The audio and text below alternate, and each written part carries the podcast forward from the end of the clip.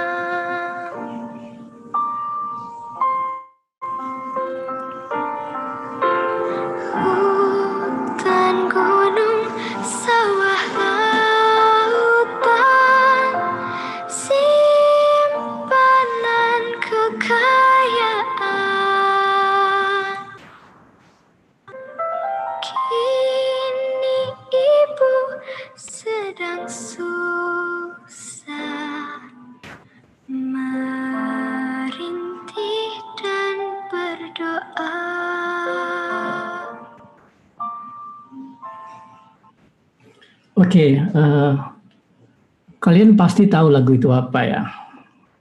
Anak setiap anak kecil di Indonesia pasti bisa menyanyikan lagu itu dan mungkin kita yang sudah dewasa pun pernah menyanyikan lagu itu paling tidak sewaktu kecil. Tetapi lagu ini sesuatu yang sangat menusuk sebenarnya karena di dalam lagu ini itu kita diberikan satu imajinasi mengenai sesosok ibu yang kita sebut sebagai ibu pertiwi yang tampak sedih. Entah kenapa, mungkin karena kita berbuat nakal. Lalu kemudian tiba-tiba dalam lagu itu bagaimana ibu pertiwi itu berada dalam suatu apa ya, satu atmosfer atau satu universe di mana terdapat alam bagian dari ruang di mana Ibu Pertiwi itu berada gitu. Nah, Ibu Pertiwi ini menarik karena dia menjadi satu imajinasi yang terkonstruksi uh, tidak hanya di dalam uh, pemikiran kita mengenai sosok yang mewakili tanah air, ya. Tetapi saya pikir jauh lebih dalam gitu. Jadi kalau kita lihat asal muasal dari istilah ibu pertiwi, ini kan sebenarnya dari kata prativi ya, prativi dan itu prativi itu adalah salah seorang dewi. Dewi alam kalau tidak salah di dalam uh, di dalam tradisi Hindu mungkin nanti saya bicara dengan tamu kita malam ini yang kemudian mewakili sosok tanah air di mana kita berada di dalamnya, di mana kita dilindungi oleh Ibu Pertiwi, di mana kita itu di, dibesarkan oleh Ibu Pertiwi. Nah ini menarik sebenarnya karena ketika kita bicara tentang Ibu Pertiwi, ada satu ikatan batin yang menjadi fondasi dari apa yang kita sebut sebagai nasionalisme.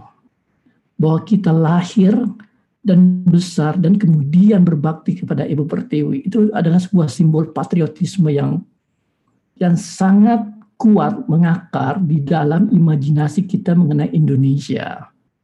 Di dalam uh, bagaimana setiap orang Indonesia itu menggambarkan dirinya terikat secara batin dengan tanah air.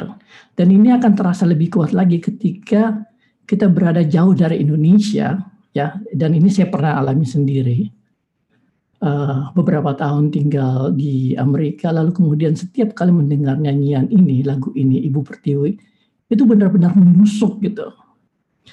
Nah ini yang ingin saya bongkar sebenarnya, dari mana asal muasal ini, tapi kemudian ingin saya coba tarik ke situasi kontemporer ketika kita bicara tentang sosok perempuan di dalam uh, imajinasi sosial kita dan bagaimana sosok perempuan ini menjadi sebuah kekuatan sosial, kekuatan budaya, sekaligus kekuatan politik gitu.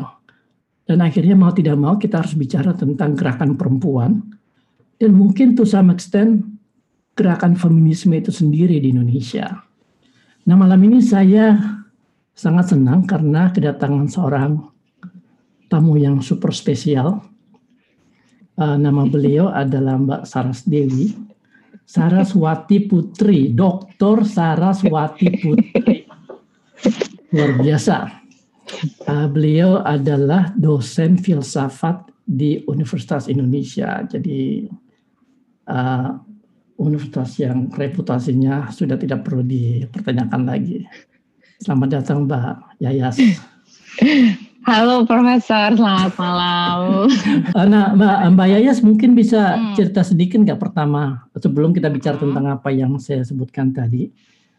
Uh, bagaimana Mbak Yayas bisa masuk ke dalam dunia filsafat? Apa yang mendorong Mbak Yayas untuk masuk ke dunia yang saya nggak tahu mungkin saya tidak uh, terlalu paham, tetapi sepertinya didominasi oleh tokoh-tokoh maskulin ya.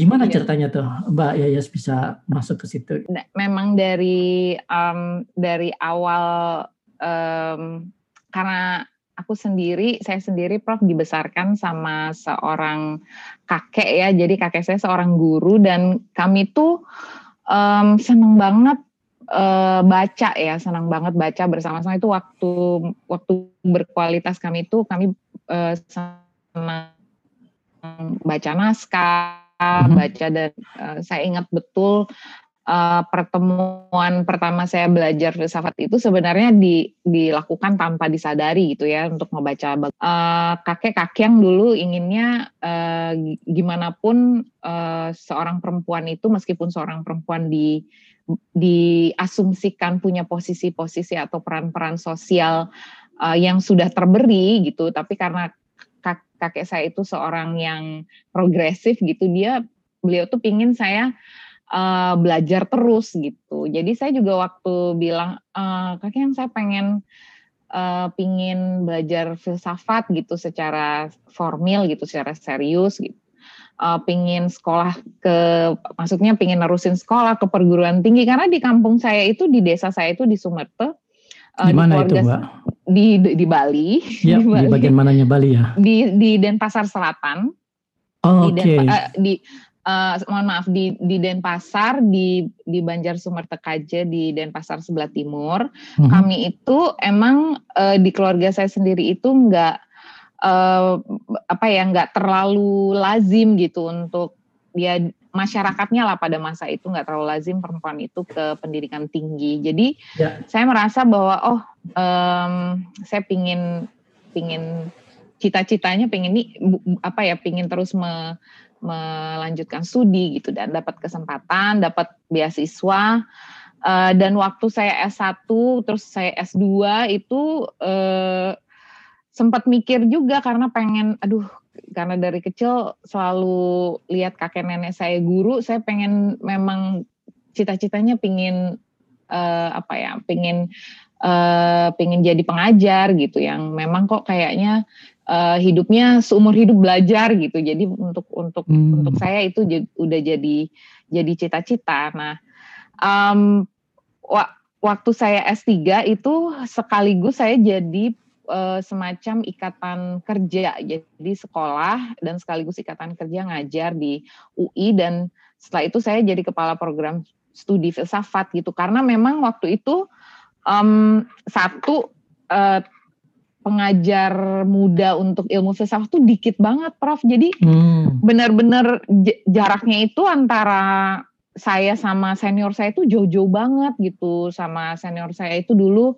uh, Ibu Gadis, saya dulu asisten Ibu Gadis Arifia, lalu uh, Pak Rocky Gerung, uh, Pak Tommy Awi, terus juga ke Prof. Tuti Herati, ke uh, uh, uh, kemudian ke Pawayan Suwira. Jadi benar-benar kayak jaraknya jauh-jauh gitu um, dan memang didominasi oleh uh, keilmuannya memang didominasi oleh laki-laki gitu ya karena yeah. perempuannya kan sedikit tapi saya beruntung karena saya belajar dengan guru-guru seperti uh, Ibu Gadis Arifia lalu juga Ibu Karlina Supeli uh, dari STF yang memang mereka itu perintis gerakan perempuan lah ya akademisi yeah. yang merintis feminisme uh, bahkan me, me, memper, ya dalam pengertian menggunakan kata feminisme, mengkaji feminisme sampai akhirnya UI sendiri punya uh, paradigma mata kuliah paradigma feminisme. Jadi saya uh, dimungkinkan untuk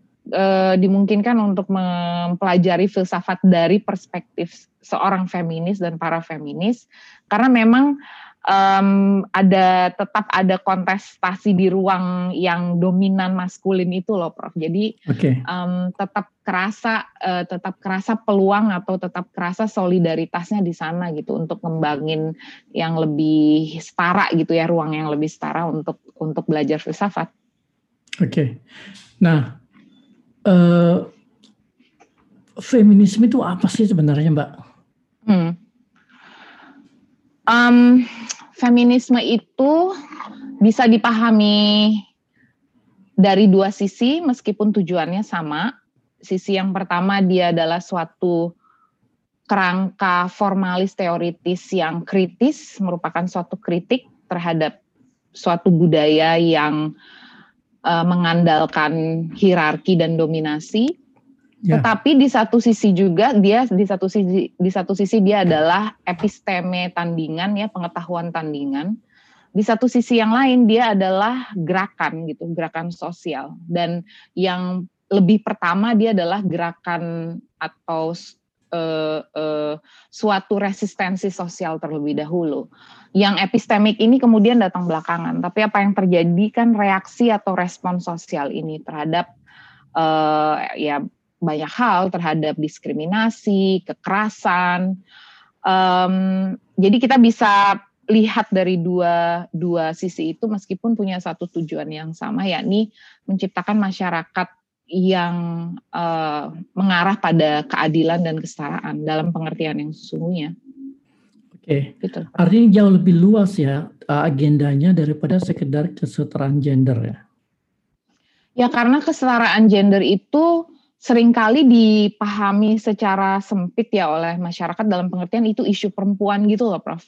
Hmm. Padahal kesetaraan gender itu adalah uh, hal yang paling hal yang paling mendasar di saat kita membayangkan uh, suatu cita-cita humanisme, kemanusiaan gitu ya. Kalau kita membayangkan mencita-citakan kemanusiaan yang berkeadilan, uh, yang kemanusiaan yang yang sensitif uh, uh, punya kepedulian uh, tentunya cita-cita terhadap kemanusiaan itu salah satu bagian yang paling penting dan sering dilupakan harusnya adalah adanya kesetaraan, adanya uh, keadilan gitu. Kalau kalau kita mau mau bicara lebih mau bicara lebih uh, politis lagi ya uh, ke ke arah keadilan itu.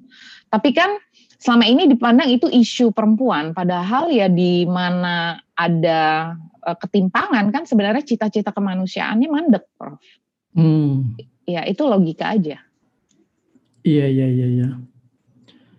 Uh, jadi apakah jadi bisa saya bilang bahwa feminisme itu lebih besar daripada cita-cita social justice gitu?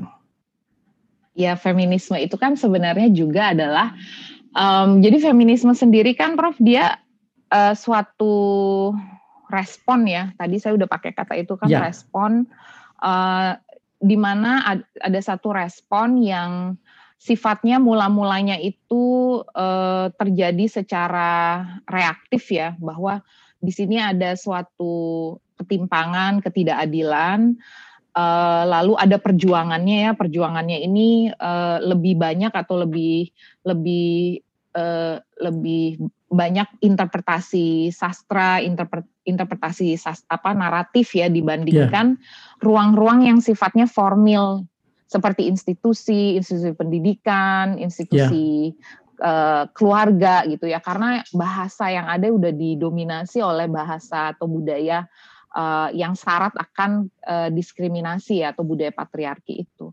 Sehingga memang uh, pada permulaannya itu banyak cerita gitu, Prof. Karena kan bahasa perempuan itu bahasa yang negasi kan dia bahasa bahasa yang melawan sebenarnya muncul kalau kita mau mengutip uh, para feminis gitu ya dia akan yeah. mengatakan mula-mula kita pun mau mengidentifikasi diri kita sendiri pun sulit karena tubuhnya selalu menjadi tubuh uh, yang dibentuk oleh atau dikonstruksikan oleh yang lain gitu. Jadi kita terasing dari tubuh sendiri, terasing dari kesadaran sendiri, sehingga harus butuh suatu uh, pembahasan ulang gitu. Um, sehingga misalnya um, kenapa perempuan harus menulis? Karena menulis itu salah satu cara untuk uh, mempertanyakan, me mempersoalkan uh, bahasa yang ada atau betapa absolutnya gitu bahasanya para patriark misalnya. Dan mulainya dari cerita gitu, mulainya dari puisi, mulainya dari kisah uh, sehari-hari, uh, uh, beban misalnya beban ganda perempuan, standar ganda yang harus dilalui oleh perempuan, uh, uh, berlapis-lapisnya, ke keterpurukan perempuan baik itu dari tubuhnya, dari uh, dominasi kelas yang terjadi. Uh, itu mulainya dari cerita gitu, Prof. Oke, ini menarik banget nih. Nah, tadi Mbak Yayas bilang bahwa hmm. uh, feminisme itu muncul sebagai respon terhadap kekuatan struktur patriarkis ya. Mm-mm. Yang menjadi semacam apa ya? Uh, uh, kondisi by default gitu di masyarakat di mana uh, apa uh, laki-laki itu dianggap sebagai uh, sosok yang lebih kuat, lebih dominan, lebih hmm. memiliki hak dan sebagainya kan. Nah di Indonesia itu kalau kita lihat kan sebenarnya ada beberapa budaya atau hmm. kelompok-kelompok budaya di mana Eh, posisi perempuan dan posisi laki-laki itu relatif egaliter kan. Uh, nah saya ingin tahu apakah memang ada semacam sumber daya kultural yang menjadi basis untuk gerakan feminisme yang bisa kita bilang sebagai gerakan feminisme Indonesia gitu. Ya, Iya ya, saya paham paham banget nih pertanyaannya. Ya. Prof. Prof. So, soalnya um, feminisme itu kan selalu dicitrakan sebagai produk Barat ya. Exactly. Sebagai produk yeah. produk hmm. asing gitu. Meski sebenarnya kita jangan memisahkan juga feminisme spirit daripada feminisme itu tadi ya bahwa yeah um, uh, feminisme itu menging, atau mem, mengharapkan atau mendorong membongkar tata sosial budaya budaya ini ada bahasa sistem uh, sistem kepercayaan atau uh, agama uh, sampai struktur politik yang selama ini diskriminatif. Uh, jadi itu tujuan um, salah satu tujuan bersamanya jadi spirit itu har harus dipahami bahwa kalau kita membayangkan feminisme, tadi kan di satu sisi dia adalah episteme, dia adalah suatu pengetahuan, di satu sisi dia adalah gerakan sosial juga atau gejala uh, perlawanan yang muncul atau respon yang muncul. Dan mungkin sebagai episteme juga kita melihat pengetahuan perempuan di berbagai bagian di dunia ini kan berbeda-beda ya, Prof. Betul. Um, perempuan uh, misalnya perempuan di Eropa uh, uh, tempat di mana banyak perempuan di Eropa maupun perempuan di Amerika misalnya uh, yang uh, di sana uh, bersemailah gagasan tentang feminisme liberal misalnya mereka yeah. mempersoalkan uh, akses tuh akses pendidikan, equality uh, kesetaraan untuk mengakses pendidikan, untuk kesempatan kerja, untuk mem, me, untuk mengakses representasi sebagai representasi politik misalnya.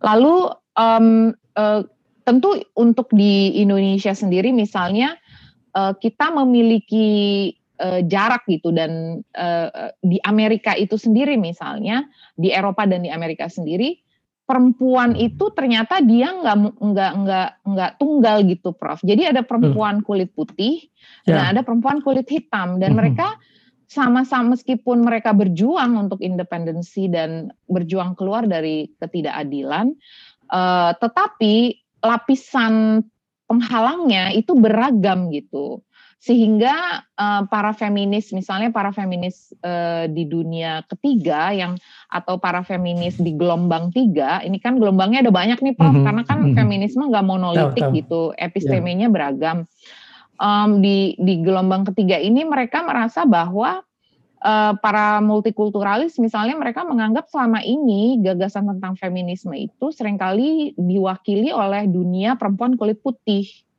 Uh, hmm. Apa yang apa yang terjadi dengan para perempuan kulit hitam misalnya, hmm. atau apa yang terjadi dengan Hispanik atau hmm. perempuan Asia, atau bahkan yang yang uh, bisa beresonansi dengan orang-orang Indonesia, bagaimana dengan yeah. perempuan adat gitu. Um, dan itu perkembangan yang menarik dari feminisme bahwa feminisme itu bukan sesuatu yang monolitik gitu ya, dia nggak sesuatu yang final dan tertutup pada perubahan dan pada diskursus uh, perkembangan uh, zaman uh, dan jiwa zaman yang terjadi. Termasuk juga saya rasa apa yang terjadi di Indonesia sekarang adalah suatu rekonstruksi besar-besaran gitu terhadap uh, yang disebut sebagai gerakan perempuan Indonesia atau gerakan perempuan Nusantara misalnya. Hmm. Um, dan ini ada, ada, uh, ada di di perjuangan Kartini, uh, Kartini yang menulis, uh, uh, kemudian kita bisa melihat di berbagai perjuangan uh, uh, perempuan pada tahun 98 misalnya dengan suara Ibu Peduli sehingga sebenarnya perjuangan perempuan uh, Indonesia uh, itu nyata adanya.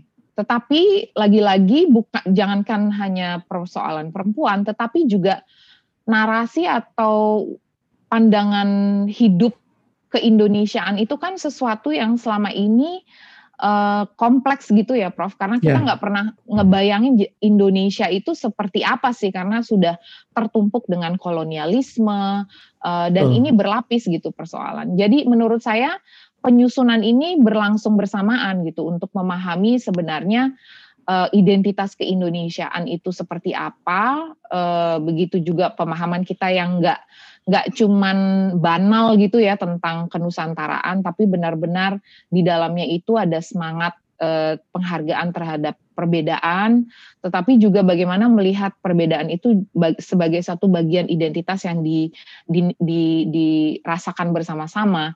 Begitu juga saya rasa tentang feminisme di Indonesia gitu. Kita melihat sekarang um, bagaimana uh, Mama Aleta misalnya Aleta Baun yang iya. berjuang yeah. di dengan masyarakat adat Molo itu adalah feminisme di Indonesia uh, yang uh, apa yang ia lakukan gitu ya ia me, me, me, menginkorporasikan bahwa sama ini feminisme itu anti banget misalnya feminisme liberal gitu mereka merasa mereka udah bersusah payah memisahkan perempuan dengan tubuh perempuan ke, uh, dengan ranah domestik misalnya.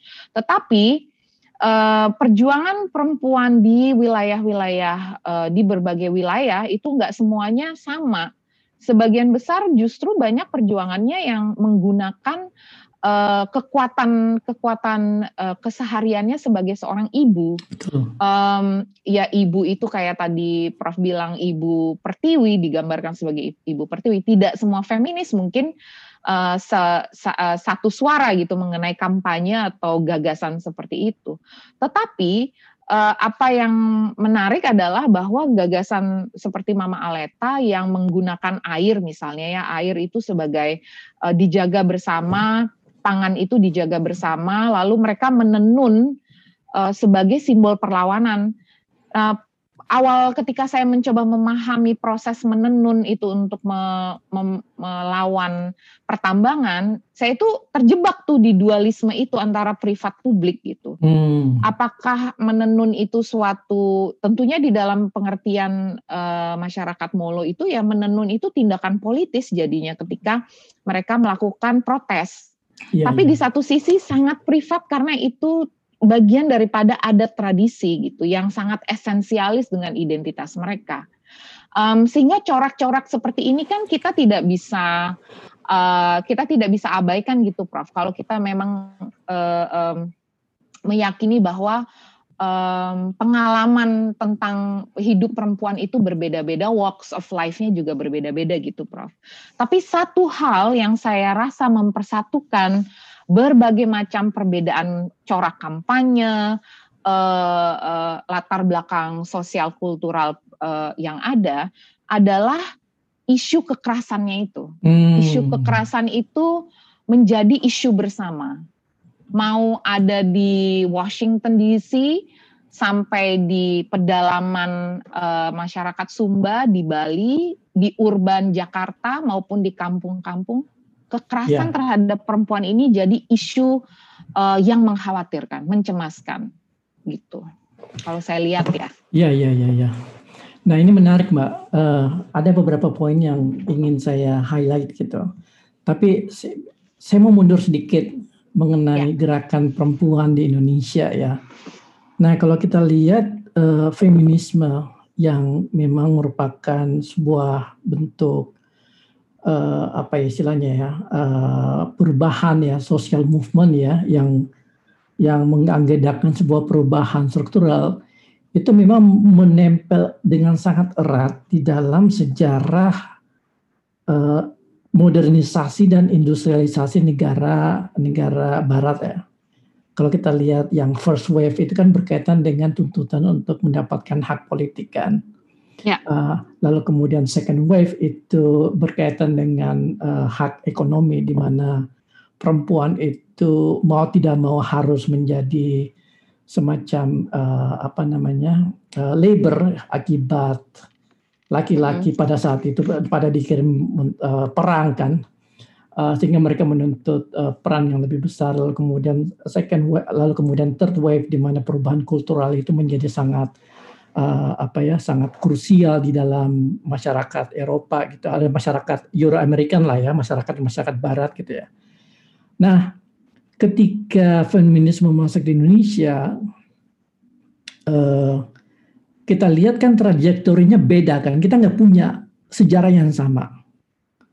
Ya kan? Kita berada atau berasal dari sejarah uh, prakolonial terus masuk kolonial terus kemudian pasca kolonial gitu. Di mana uh, rentetannya ini itu agak berbeda dengan apa yang dialami oleh gerakan feminisme di Barat gitu. Nah, saya ingin tahu bagaimana mensinkronkan antara agenda-agenda feminisme yang ada di sana dengan yang ada di Indonesia karena bisa jadi mungkin sebenarnya kalau kita kembali ke sejarah di Indonesia lalu kemudian mengklaim bahwa oh Ibu Kartini itu adalah seorang tokoh yang memulai gerakan feminisme, tapi mungkin klaim itu menjadi tidak berdasar karena apa yang diingin dicapai oleh feminisme Barat itu beda dengan apa yang ingin dicapai oleh Ibu Kartini gitu. Jadi uh, sebenarnya di mana? Apakah memang benar-benar sinkron antara trajektori ini atau mungkin uh, gerakan perempuan di Indonesia itu walaupun dia berdempet dengan gerakan feminisme, tetapi kemudian memiliki sebuah trajektori sendiri yang mungkin karakter dan agendanya itu berbeda gitu. Hmm. Karakternya pasti ya, Prof. Menurut saya pasti ada itu tadi ya coraknya dan seluk beluk uh, kulturalnya beda.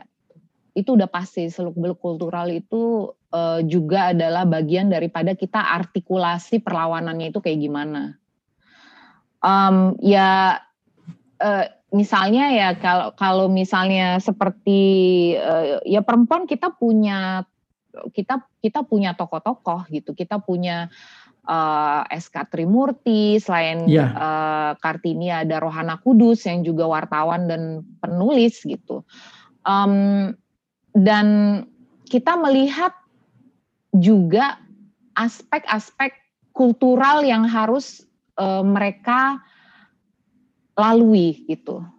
Hmm. Dan betul Prof dia pasti berlapis ya, karena di satu sisi kemerdekaan yang ingin kalau uh, bagaimana perjuangan perempuan adat atau perempuan dengan adat ya.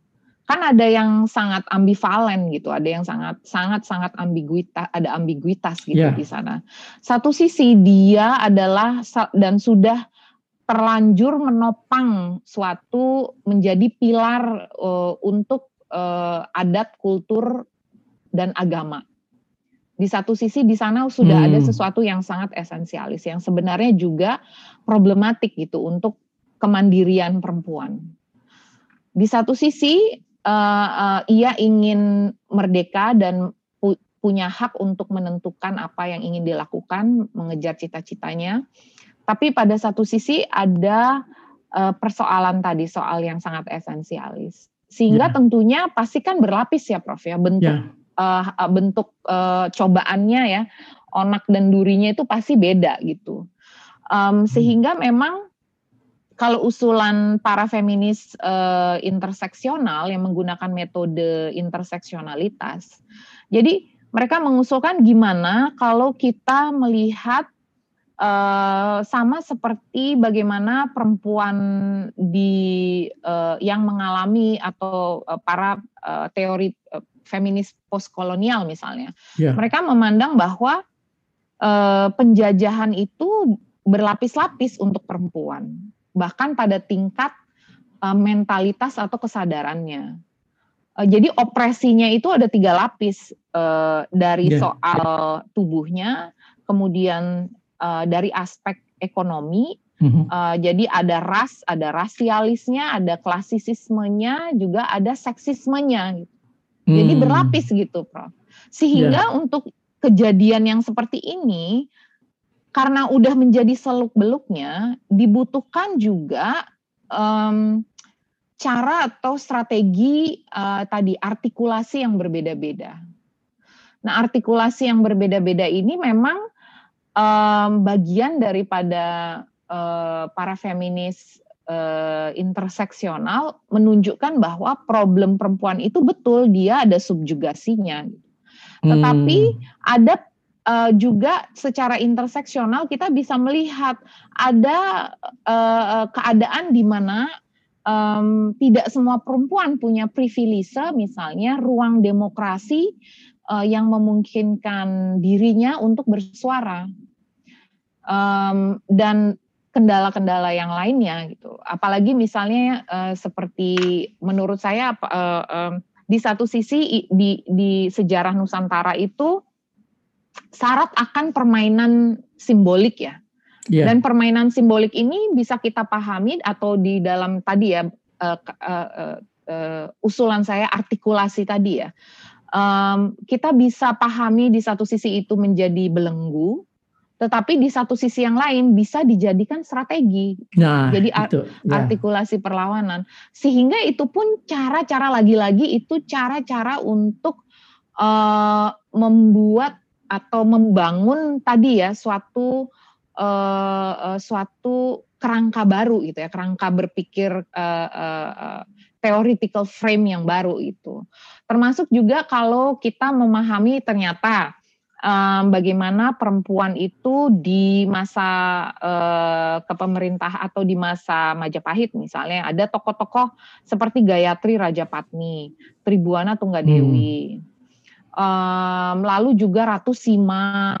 Uh, dan bagaimana simbol perempuan sebagai simbol politik atau bagaimana perempuan itu bisa punya kuasa uh, dan bagaimana misalnya di di Bali itu uh, di masyarakat agrikultur ya, di masyarakat agrikultur itu lebih egalitarian gitu karena semua orang sama di mata air gitu, di depan air hmm. pembagian air itu harus sama uh, sebab mau dia raja, mau dia petani di mata air saat uh, rapat subak uh, semuanya di depan air itu setara gitu misalnya.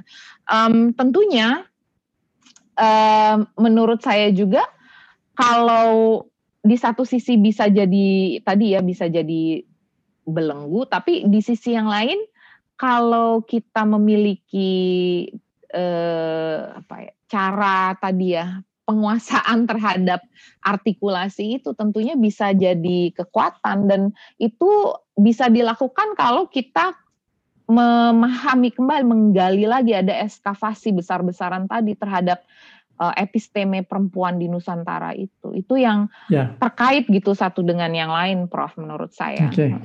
Nah ini menarik karena uh, kemarin itu uh, saya nonton uh, dokumenter hmm. terbaru dari Gecko Project mungkin Mbak Yaya sudah lihat ya.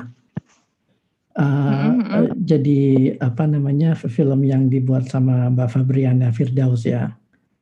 Udah. Judulnya Tanah Ibu hmm. Kami ya. Tanah Ibu Kami. Iya, jadi ada sesuatu uh, apa sesuatu image yang kuat mengenai perempuan di situ kan uh, sebagai penjaga lingkungan. Uh, tetapi kalau misalnya kita masuk ke lebih dalam lagi, ke layer yang lebih dalam lagi, uh, sosok perempuan yang ditampilkan mm -hmm. di film dokumenter itu, yeah. itu erat terkait dengan apa yang tadi saya sebutkan bahwa mungkin ini yang menjadi distingsi dari uh, apa gerakan perempuan dan mungkin konseptualisasi mengenai feminisme Indonesia di mana kalau di barat itu perempuan itu mencoba melepaskan diri dari dari dari konstruksi simbolik yang dibuat oleh budaya barat ada hmm. dan mencoba uh, menjadikan perempuan sebagai uh, individu yang bebas ya kan hmm. sementara di kita mungkin saya lihat gerakan perempuan itu mencoba membangun atau bukan bukan membangun mungkin sudah ada ya jadi mm. me, melakukan uh, apa namanya reva, revitalisasi dari sosok perempuan sebagai mm. seorang ibu jadi saya lihat di sini mm. motherhood itu menjadi apa ya menjadi core menjadi inti dari gerakan perempuan itu motherhood sebagai sebuah sistem yang melindungi hmm masyarakat, melindungi lingkungan, melindungi setiap individu yang berada di dalamnya gitu. Dan saya nggak tahu ini interpretasi amatiran mm-hmm. saya aja gitu. Mm-hmm. Tapi gimana? Apakah apakah ini mm-hmm. sebuah art, bentuk artikulasi yang seperti Mbak Yayas tadi sebutkan gitu? Iya, iya betul betul Prof. Bahwa kalau um, um, kita juga di satu sisi untuk melakukan uh, suatu rekonstruksi atau mengartikulasikan metode ya, suatu metode perlawanan, uh, kita juga harus skeptik juga, Prof. Karena kan hmm. kalau misalnya Ibu Julia Surya Kusuma di State of Ibuism gitu kan dia ya, dia sebenarnya ah, udah ya, ya, dia udah dia ya. udah men, kita harus curiga dulu nih terhadap ya, kata ya, ibu ya. gitu. Tapi dalam catatan menurut saya juga bahwa realitas eh, tadi ya realitas bahwa perempuan itu memiliki kedekatan dengan atau sering kali dianalogikan eh, tubuhnya itu sebagai tubuh bumi tidak ya. selalu bisa kita reduksi kemudian itu menjadi suatu belenggu seperti saya bilang. Ya. Eh, justru itulah menunjukkan betapa eh, pluralistiknya kondisi atau keadaan medan pertempuran uh, dari perjuangan perempuan. Kalau saya sih menyikapinya seperti itu ya, karena uh, kita juga nggak memahami secara esensialis ibu yang harafiah uh, esensialis ibu gitu ya. Yeah. Tetapi kita juga harus pahami secara kritis bahwa ini adalah ibu yang melawan gitu. Ini ibu yang uh, memekikan suara gitu. Yeah, um, yeah. Sehingga kita uh, punya negosiasi di situ gitu loh, Prof ya. Jadi mm-hmm. negosiasinya di satu sisi ada kekayaan atau ada suatu uh, uh, ada suatu um, kekuatan daripada yang sangat intrinsik ya di di dalam budaya dan adatnya orang Indonesia yang bisa digunakan, yang bisa di dibentuk gitu ya, dibentuk dan dimanfaatkan. Tetapi di satu sisi yang lain juga um, kita juga harus menyadari uh, bahwa itu adalah rekonstruksi gitu. Jadi bukan uh, restorasi gitu ya. atau bukan Uh, sesuatu yang yang sangat sesuatu yang konsekuensinya konservatif gitu ya. Tetapi dia rekonstruksi.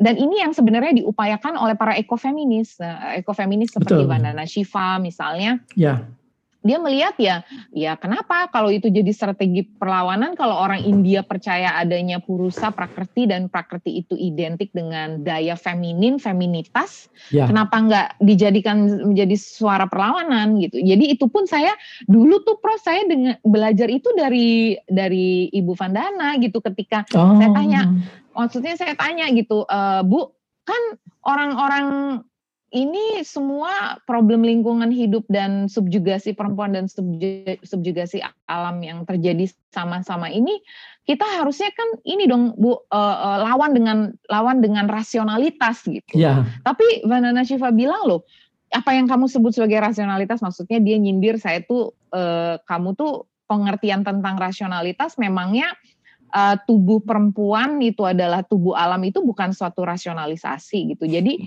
itu juga uh, itu juga saya pembelajaran yang pembelajaran yang ini banget gitu pembelajaran yang melekat banget gitu Prof di saya bahwa eh, metode-metode uh, ini penting dan memahami cara-cara untuk mempertanyakan kuasa itu juga harus menghargai perbedaan gitu, menghargai pengalaman hidup eh, orang-orang uh, yang yang banyak gitu, nggak nggak kita nggak memaksakan cara-cara uh, yang uh, otoritatif juga gitu. Itu jadi bagian daripada kita memahami bergerak berorganisasi apalagi eh berorganisasi mengor, meng, ber, bergerak bersama-sama. Itu juga bagian dari kita uh, memaknai gerakan sosial itu sebagai yang benar-benar egalitarian gitu. Nggak nggak nggak nggak polanya dominasi lagi. Itu juga saya um, ketika mempelajari ekofeminisme itu yang membuat saya berpikir bahwa tidak harus uh, simbol tubuh uh, perempuan dan tubuh alam itu disetarakan, disamakan, tidak harus jadi jatuh jadi sesuatu yang esensialis atau justru pengekangan atau kembali lagi mengekang perempuan ke ranah-ranah yang uh, kodratiah misalnya. Kan itu selalu ya. menjadi problem gitu di dalam feminisme, Prof. Oke. Okay. Ya, ya menarik, menarik. Ya, sebenarnya sih saya lebih cenderung melihat motherhood itu tidak semata-mata sebagai sebuah simbolisasi dari alam ya, tetapi eh, lebih pada sebuah uh, bentuk kekuatan dalam melindungi alam itu sendiri gitu. Hmm. Dan mungkin ini yang menjadi sesuatu yang bisa kalau misalnya kita ekstrapolasi gitu ke dalam uh, konteks yang lebih luas. Mm uh, jadi tidak hanya alam tetapi juga masyarakat itu sendiri gitu. Jadi yeah. uh, apa bukan berarti lalu kemudian kita mencari sosok ibu itu sebagai apa perwakilan atau representasi dari orang yang melindungi kita tetapi lebih pada nafas yang muncul dari pemahaman mengenai motherhood itu gitu. Nah, saya nggak tahu apakah itu bisa dijadikan sebagai landasan untuk membuat artikulasi mengenai gerakan perempuan ya. atau mungkin ya nggak tahu gimana Pak. Ya perdebatan yang dinamisnya kan di situ ya Prof di di pemahaman misalnya uh, Simone de Beauvoir uh, para feminis Prancis gitu ya uh, para feminis Prancis mereka mempersoalkan uh, mengingatkan lah dengan mengatakan bahwa kalau misalnya um, kita dianggap jadi perempuan itu selalu ada di dua polarisasi. Mhm. Tubuhnya antara dia jadi sangat mulia, dimuliakan oleh sosial, menjadi tadi ya tiangnya masyarakat, tiang yeah. moralnya masyarakat. Atau dia menjadi yang benar-benar grotesk, menjijikan gitu. Sumber dosa, hmm. sumber masalah, sumber kutukan. Ya, tubuh perempuan itu berada di dalam dua ekstrim itu. Dan dua ekstrim itu apa yang Simon de Beauvoir sampaikan adalah fantasi uh, para patriark untuk perempuannya sendiri, untuk para perempuannya sendiri, dia nggak di nggak diberi kesempatan untuk mengimajinasikan dirinya sendiri, tubuhnya sendiri. Dia harus milih di antara dua jalan itu. Um, mm -hmm. Dan itu maksudnya kritiknya Simong bahwa ya kita jangan GR dulu kalau dibilang uh, Dewi Bumi gitu. Iya. Jangan-jangan di balik itu oh ada fantasi yang pure, yang murni, yang nurturing, yang sebenarnya adalah uh, uh, obsesi uh, obsesi dari laki-laki itu itu itu sih kritiknya sih Mang Kira-kira apa yang salah dengan obsesi dari laki-laki mengenai motherhood tadi gitu? Kalau misalnya memang ternyata ya saya mencoba pragmatis saja gitu. Mm. Kalau ternyata memang bisa menyelesaikan masalah why not gitu. Ya, kalau dia menjadi ya sama halnya kayak tadi itu Prof. Saya bilang kalau dia dia digunakan diutilize ya diutilize sebagai suatu alat untuk merebut lagi ruang-ruang uh, ruang-ruang uh, uh, lingkungan hidup kita yang yang merdeka itu juga salah menjadi salah satu strategi para ekofeminis. Tetapi perlu dipahami juga uh, bahwa gagasan ke ibu atau ibu ini bukan ibu dalam pengertian yang tadi ya yang kodratiah itu. Tetapi ibu itu sebagai simbol simbol yang non esensialis sebagai suatu uh, sebagai suatu uh, tanda perlawanan gitu terhadap bagaimana selama ini uh, yang menciptakan ruang publik dan kontrak sosial politik itu adalah bapak-bapak. Tiba-tiba datang inilah tanah ibu kami itu kan hmm. sebagai kontestasi politis gitu loh Prof dia iya, nggak yeah.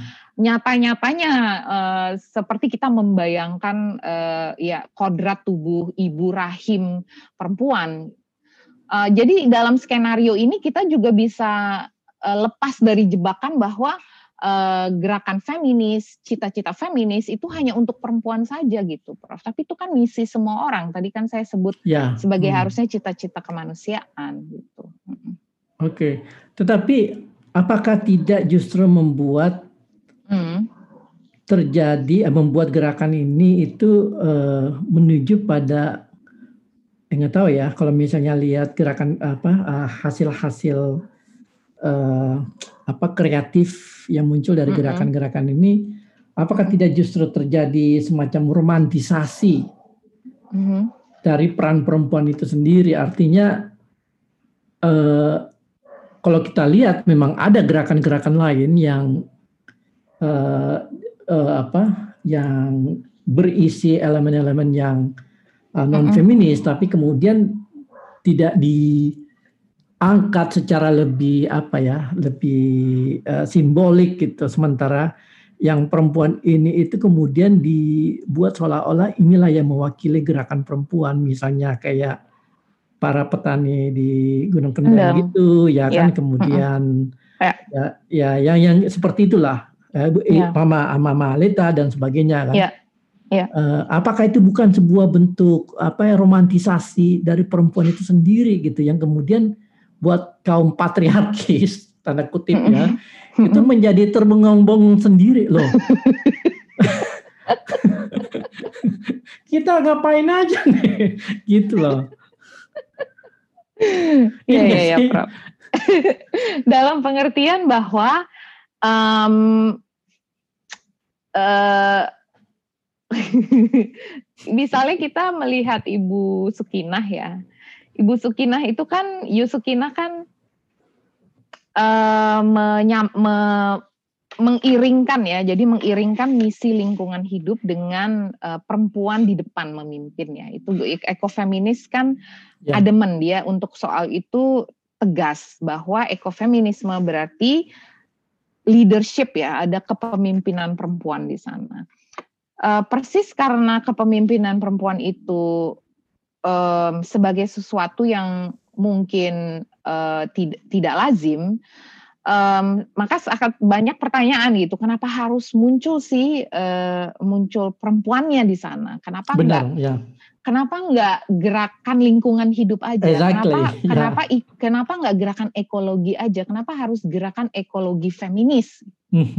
Persis itu uh, yang ingin di, digugat gitu. Itu yang ingin di ibaratnya itu kalau kalau uh, kalau selama di saat uh, peletakan feminis atau kata feminis itu kan sebenarnya suatu tuntutan untuk uh, satu undangan ya jangan tuntutan dulu mungkin patriark bingung nanti.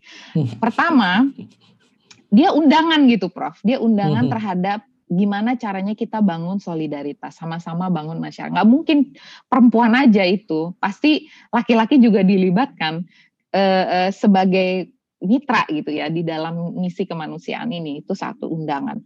Kedua dia memang tuntutan. Mengapa? Karena power yang bekerja atau struktur kuasa yang bekerja adalah struktur kuasa yang memang harus dibikin tidak nyaman harus dibikin terhenyak gitu, terhenyak Ya. dengan bahwa perempuan ada di depan. Jadi selama ketidaknyamanan itu tetap dirasakan, di sana ada ketimpangan sebenarnya. Um, Ya. Itu yang uh, mengapa representasi ya, representasi itu masih dibutuhkan. Uh, kenapa harus ada yang perempuannya di depan? Benar-benar perempuan belum boleh misalnya belum saat inilah, belum saat ini diwakili misalnya oleh uh, ya laki-laki juga punya misi feminis betul, tapi ini representasi di depan karena kondisi atau keadaannya memang mengharuskan ada representasi. Mungkin di masa depan ketika masyarakatnya jauh lebih egalitarian, jauh punya kedewasaan yang mengarah pada uh, keadilan, ruang demokrasi yang benar-benar adil, kita mungkin nggak terlalu di mana misalnya uh, uh, yang justru parlemen atau uh, MPR, DPR, DPR-nya dominan perempuan misalnya, senatornya dominan Mhm. perempuan, kita udah nggak punya problem seperti itu lagi. Tapi ini kan ceritanya masih jadi persoalan gitu. Kalau menggunakan kata perempuan di depan itu patriark masih kayak, aduh kenapa sih masih ada kata itu gitu? kenapa sih? Iya, tapi kan Kenapa kemudian jadi itu gitu? pertanyaan sebenarnya kan Hmm. apa yang menjadi parameter dari kesetaraan gender yang ingin diperjuangkan gitu.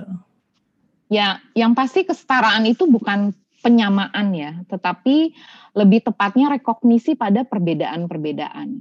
Yang dibilang setara Hmm. itu ya aksesnya, akses pendidikan, eh, kesetaraan di mata hukum, Hmm, eh, akses-akses ruang publik itu yang yang diupayakan. Tentunya tubuhnya aja beda, Prof. Tubuh Ya, saya sama Betul. tubuh Oh, iya, aja iya. beda. Betul sekali. Iya, iya. Nah, pertanyaan terakhir nih Mbak Yaya, soalnya udah udah setengah sebelas di situ ya. Pertanyaan terakhir aja. Eh, jadi kalau kita lihat sekarang gerakan perempuan ya, eh, Ya. mungkin saya lebih cenderung menggunakan istilah gerakan perempuan daripada gerakan feminis ya, supaya lebih menurut saya lebih kontekstual dengan eh, permasalahan yang ada. Masih di- mengganggu ya, Prof ya, masih ya, mengganggu. ya. agak mengganggu gitu ya. Walaupun saya tidak uh, menyangkal bahwa ya apa namanya uh, gagasan-gagasan dan epistemologi feminisme itu pasti sudah mengakar ya. Hmm. Tapi kalau misalnya kita lihat gerakan perempuan di Indonesia, kira-kira uh, apa yang menjadi agenda utama di dalam me, apa ya me, uh, mencapai sebuah sebuah situasi sosial, kultural dan politik Mm-mm. yang diwarnai oleh kesetaraan gender gitu. Apa yang menjadi agenda utama dalam gerakan Saat perempuan ini? Saat ini. Semua perempuan di Indonesia, Uh, semuanya, Prof. semua perempuan di Indonesia. Semua perempuan di Indonesia lah, ya, bukan cuma di Jakarta, apalagi sebagian- cuma Jakarta Selatan gitu. Saat ini seperti yang tadi saya sampaikan, tidak. Ya. Ini ini pressing times, masa-masa menentukan di mana kita berada pada suatu persimpangan bahwa saat ini momen eh, eh, untuk eh, masyarakat Indonesia menunjukkan bahwa eh, punya cita-cita pada kemanusiaan dengan mengesahkan RUU Pungkas Penghapusan Kekerasan Seksual. Hmm. Menurut saya saat ini itu yang uh, paling uh, menjadi prioritas. Uh, mengapa? Sebab tadi ya data-data bahwa 400 ribu kasus ya, ya. Uh, dan bagaimana dia meningkat justru uh, keleluasaan ruang digital meng, uh, menjadikan uh, suatu intensifikasi terhadap kekerasan terhadap perempuan. Jadi mau itu ruang luring maupun ruang daring, kekerasan ya. ini terjadi di mana-mana di kota, di desa, um, di berbagai wilayah dengan latar belakang sosial dan uh, uh, stratifikasi yang berbeda-beda pun sama dari buruh mhm. hingga mahasiswa sampai dari usia lanjut usia sampai anak-anak sampai bayi sekalipun sehingga ini adalah suatu uh, pencideraan terhadap misi kemanusiaan kita. Um, dan uh, uh, ini bagian dari yang tadi saya sampaikan bahwa kalau kita sungguh-sungguh sekarang sedang menyusun suatu identitas bersama, suatu suatu suatu kehidupan kolektif bersama, kita mulai dari uh, impian kesetaraan ini dengan mengesahkan RUU penghapusan uh, kekerasan seksual. Tentunya banyak um, uh, sebenarnya cita-cita pengarus utamaan gender yang masih jauh dari uh, jauh dari jauh dari uh, tujuan akhirnya, maksudnya jauh dari jauh dari uh, indikator sukses. Tapi paling yeah. tidak um, selain tadi ya soal tentunya uh, soal uh, akses pendidikan, kesejahteraan, uh, bagaimana perempuan kepala keluarga misalnya sekarang yang terus meningkat jumlahnya uh, di tengah pandemi ini menunjukkan kerentanan dikarenakan beban atau standar ganda ketika dia harus memikul uh, um, ekonomi keluarganya tapi juga harus memikul juga stigma di masyarakat misalnya. Itu hal-hal yang uh, begitu banyak terjadi di seluruh Indonesia termasuk juga bagaimana uh, sekarang uh, perempuan dan khususnya buruh perempuan juga tengah mengalami uh, suatu uh, um, ya penderitaan ya dengan omnibus law dan uh, yeah. persoalan cipta kerja ini sehingga uh, um, hak mereka uh, dipertaruhkan. Ini hal-hal yang tentu isunya banyak sekali multidimensi sekali gitu, Prof.